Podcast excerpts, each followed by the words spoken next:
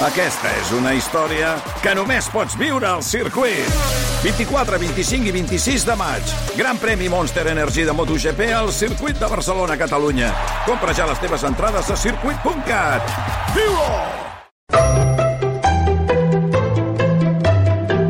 Històries per explicar a l'hora de sopar. La història d'avui també passa un 7 de novembre, més o menys a aquesta hora. L'escenari, però, és el Gran Teatre del Liceu. Som al 7 de novembre de 1893.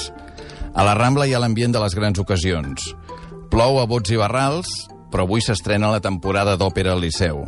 Els cotxes de cavalls deixen els senyors a la porta. És una nit per lluir els vestits, els fracs i els barrets de copa. Una nit per ostentar. El que no s'imaginen és que la nit acabarà amb tragèdia.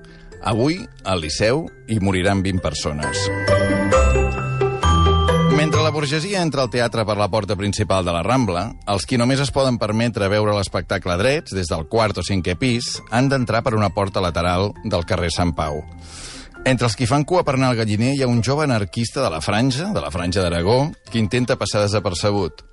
Es diu Santiago Salvador, té 29 anys, viu a Barcelona, porta un bigoti negre i espès, i ha participat ja en algunes accions violentes lligades a l'anarquisme de l'època.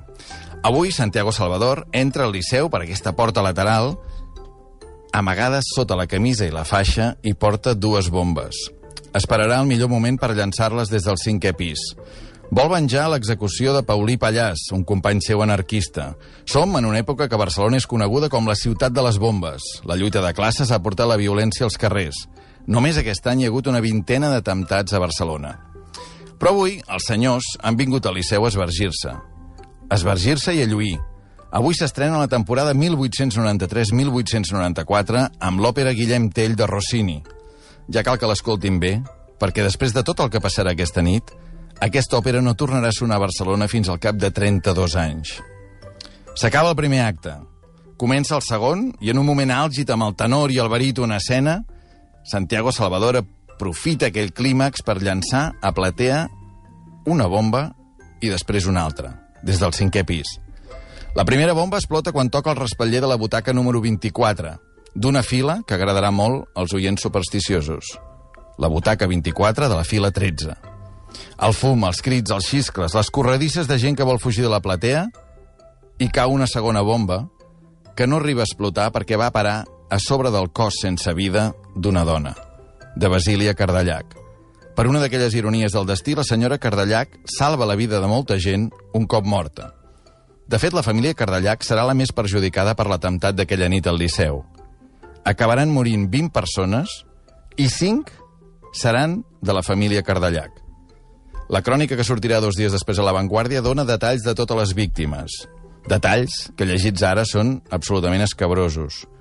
Una dona embarassada, una parella que moren abraçats, o una noia, Consol Guardiola, que aquella nit al Liceu feia la seva presentació en societat amb un vestit de cua espectacular. I així, fins a 20 persones mortes i desenes de ferits. Enmig de la confusió, Santiago Salvador aconseguirà escapar-se.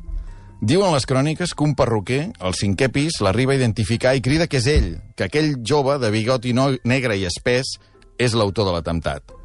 Però altres joves que ajuden Salvador aparten el perruquer en pentes i faciliten que Santiago Salvador es confongui enmig de la multitud i del caos del Liceu.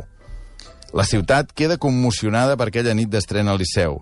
Comencen les detencions d'anarquistes i no és fins al cap d'uns mesos que trobaran, a Saragossa, on s'havia refugiat, Santiago Salvador. El jutgen i l'acaben executant un any després, el 21 de novembre de 1894, concretament un any i 15 dies després de l'atemptat. L'òpera tardarà un temps a tornar a sonar al Liceu. Però encara hi haurà un detall que s'allargarà uns mesos més en el temps i que recordarà el que va passar tal dia com avui, un 7 de novembre, però de 1893. El Liceu deixarà buides, sense ocupar, les butaques que aquella nit ocupaven les 20 persones que hi van morir. Històries per explicar a l'hora de sopar.